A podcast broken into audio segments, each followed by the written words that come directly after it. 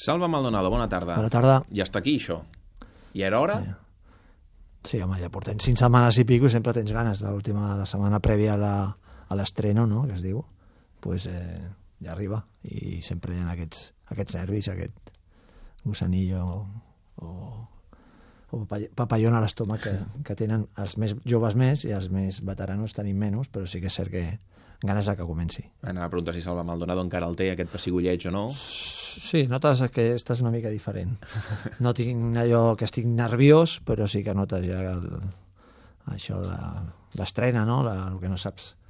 Saps què passarà, però, però sempre tens aquello de, del partit que el dia que ho perdis també et, di, també et diria que, bueno, pues, eh, que, que no tinguis gens de símptomes de res, pues jo crec que és una mala senyal. I comencem una temporada, una Lliga ACB en què la penya, mm, quin objectiu té o com l'afronta? Bueno, marcar objectius ara, a hores d'ara, després de, de la temporada passada, no és fàcil. Eh? No és fàcil perquè hem estat molt per sobre de les nostres del, de lo previst, encara que la- l'ambició, el que vam manifestar al principi, que vam, no es vam amagar i vam dir que volíem anar a Copa i, i ho vaig dir aquí també, eh, Copa i, i playoff ho vam aconseguir, a la primera volta espectacular que vam fer i després la segona pues, patim molt però vam aconseguir ficar-se al playoff i acabar setents no? clar, això, això ho portem a la motxilla però ara comença una altra mm, una altra competició una altra, una altra lliga i, i l'equip ha, ha canviat no? nosaltres com cada estiu pues, eh, patim eh, patim per, per mantenir la gent no? per mantenir els jugadors nostres doncs perquè els, els bons, mm, si no tens en contracte, marxen, eh, els que no són bons, doncs, millor no, no han rendit, no els fitxes, i els joves, que és una de les nostres de les nostres values i doncs, també cada any perdem un o dos, no ens agradaria però és així, aleshores tenim feina per, per, per, eh, per fer l'equip doncs, perquè les possibilitats econòmiques cada any van minvant i les prioritats del club també prioritats, prioritats eh, entre cometes són altres.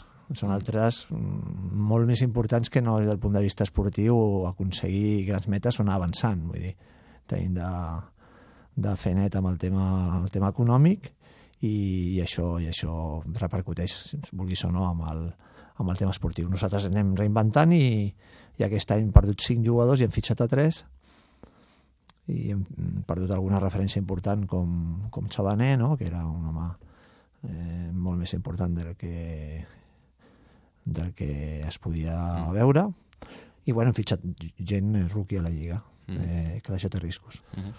Aquesta setmana vas fer aquella frase de Barça i Madrid adulteren la competició, eh, que dit de segons com pot semblar exagerat, però també entenc que des d'un club com la Penya, amb una filosofia tan eh, clara, eh, tan romàntica, si em permets, de formar jugadors i tot plegat, clar, quan veus aquests transatlàntics al teu costat, deu costar molt assumir la situació. Jo deia més i la resposta, clar, és un titular, no? Més o menys eh, distorsiona, no? sí, bueno, el Barça i Madrid distorsionen la competició. Després seguia la frase. Dit així, sembla que, que digui algú molt obvi, però que no es pot dir. Però jo em referia, després segueixo, Mm. amb el sentit de que ja no em fi- fico si són clubs amb, amb potencial, que això ja des de sempre ha sigut, sinó que hores d'ara pues, també estan a la línia de fitxar jugadors dels, dels, de la resta d'equips, es- especialment jugadors joves dels equips de la part mitja-baixa, i, i cedir-los a mateixos equips de la mateixa competició, amb la qual eh, això el que deia és que, eh, sense voler, també ho dic després, segurament no fan voluntàriament per, per castigar els equips, però els equips sortint castigats, és a dir, una competició en la qual al final ells dominen 18-19 jugadors de la mateixa competició, debiliten els, els, els equips de la, de la part mitja-baixa. I això és el que volia jo i em referia. Eh, I contra això es pot competir amb la bandera del planter, com tota la vida ha fet la Penya? Nosaltres ho hem fet fins ara. Nosaltres, estudiantes, també ho fa. Ara també s'ha donat una, una volta amb aquest tema, és a dir, que ja, pues, eh, nosaltres reafirmarem amb això i, home, de, fins al moment, amb els últims anys, ens hem sortit. Vull dir, hem sigut més o menys competitius, hem passat molt competitius, de fet vaig jugar al play contra el Barça. Eh, es pot competir? No, per competir amb ells i guanyar-los no. Guanyaràs un dia, com hem guanyat el camp del Barça, però ells han quedat eh, segons o, i nosaltres hem quedat eh, setents, no?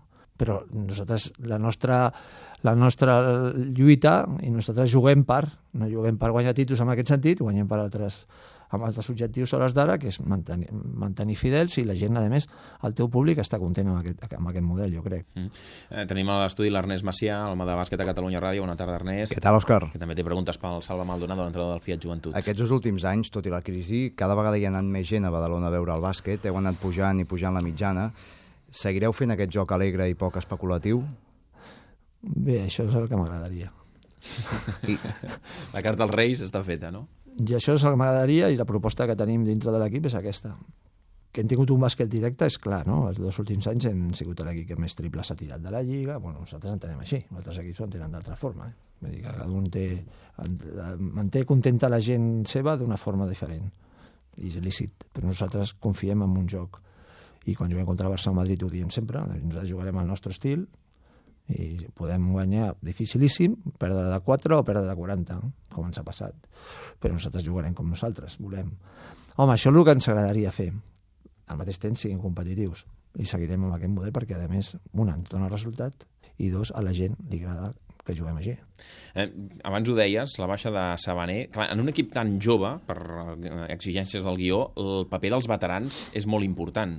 Eh, perquè, clar, és tan important els que venen de baix com els que en moments delicats o en moments complicats de la temporada tenen el cap fred com per fer-ho. Ho tens ben solucionat, això, aquesta barreja entre joves i veterans, o trobaràs a faltar algú?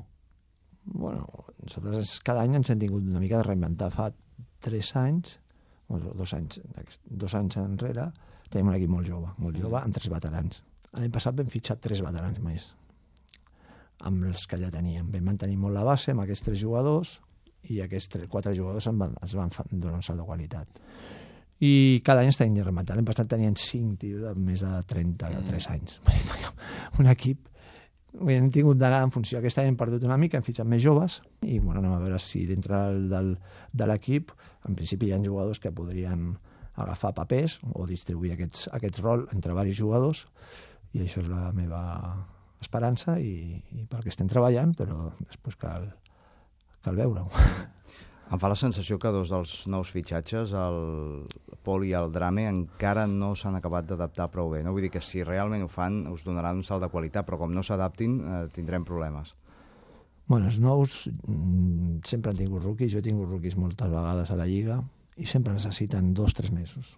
Però siguin blancs, negres, eh, més bons o més fluixos. Aquest peatge, aquest cànon el tens de pagar, vull dir, tenir, necessitem un parell de mesos de que aquest jugador pues, eh, conegui els companys, conegui el club, el bàsquet europeu, i després dintre d'això la Lliga CB, els àrbitres, els rivals, la forma de joc, vull dir, no és fàcil, jugadors que juguen 36 segons, amb unes normes que pots tocar que no pots treure la pilota, que no es pots posar un defensor allà, que pots jugar... Això en, dues setmanes no, no l'aconsegueixes. Si no, Mm, pues, tindran de tirar molt de, de veterania i que els veterans eh, eh, agafin els, els galons que tenen d'agafar aquest inici també. I deixa'm preguntar-te pel procés polític que viu Catalunya, perquè tu t'has mullat molt, no t'has amagat mai. Eh, T'ho pregunto arran d'una notícia que va explicar l'Ernest Macià en aquest mateix programa, i és que per primera vegada a la història un eh, representant de jugador de la base de la penya va demanar que en el contracte s'incloguessin clàusules en les quals eh, es contemplava una hipotètica independència de Catalunya, en quina moneda se li pagaria, quines lleis regirien i tot plegat. Això demostra que en el món del bàsquet com a mínim, s'és molt conscient de, de la situació en la que es viu eh, i, i, de, i de quines possibilitats s'obrien, no?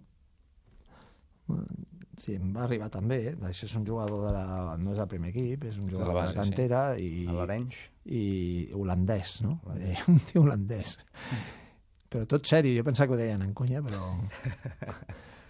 però el tio bueno, va signar, no sé els termes, després que van signar no sé ni, les, ni, ni com van fer-ho, possible, m'agradaria veure la moneda i no sé, és que no sé, se m'escapava, però bueno, em va, em va generar una, una cosa positiva, és a dir, que hi ha algú que ha pensat en què passa? De fet, jo no ho he fet. Nosaltres vam explicar al programa que era, que, era un, que era un representant que havia fet bé la seva feina, perquè havia estudiat quines opcions de futur hi havia i no volia que el seu representant quedés penjat. No? Sí, sí, em sembla molt d'això. Eh, això tenia d'haver tingut present jo fa un mes, fa un mes i mig enrere. I canviar el conveni, també. Eh, home, bueno, està bé, diu que el procés, el procés aquí està viu, no? I que abans es veia molt, molt lluny, molt, molt, i no fa tants anys. Jo que he portat la selecció catalana, no? I que sóc seleccionador de moment, eh, pues ja que ja fa 3-4 anys que no juguem, fa 4 anys se'n diuen que d'aquí 5 anys o 6 tindràs selecció amb plens poders i tindràs estat propi i tal. Oh, no s'ho creu ningú, això, no s'ho creu ningú. Mm. Vamos, ningú, ni, ni jo no... Vamos, ni somiar-ho.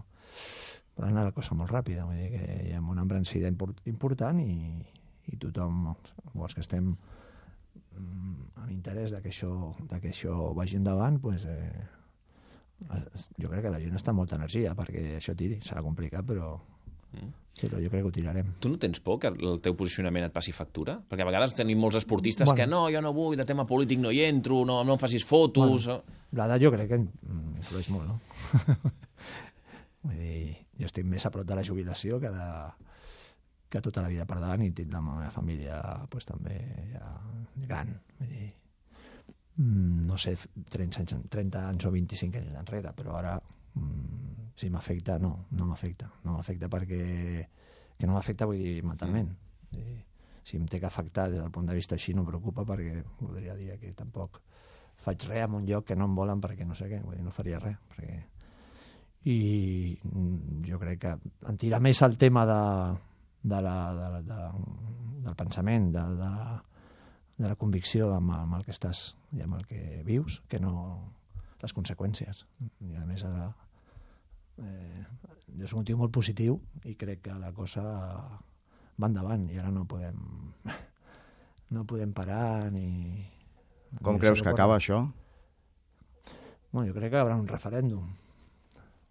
Espero també que... Jo crec si hi ha un referèndum el guanyem segur.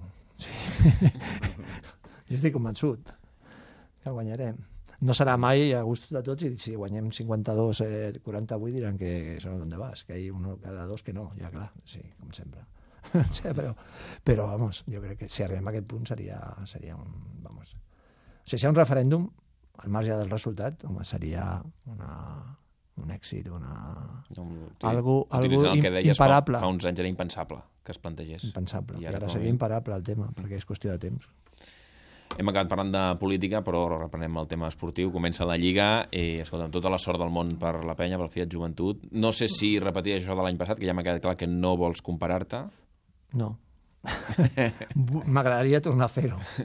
Però objectivament és, és molt difícil. Vull dir, no som il·lusos. Vull dir, estem en un joc que juguen els rivals i tu poses allà el teu joc.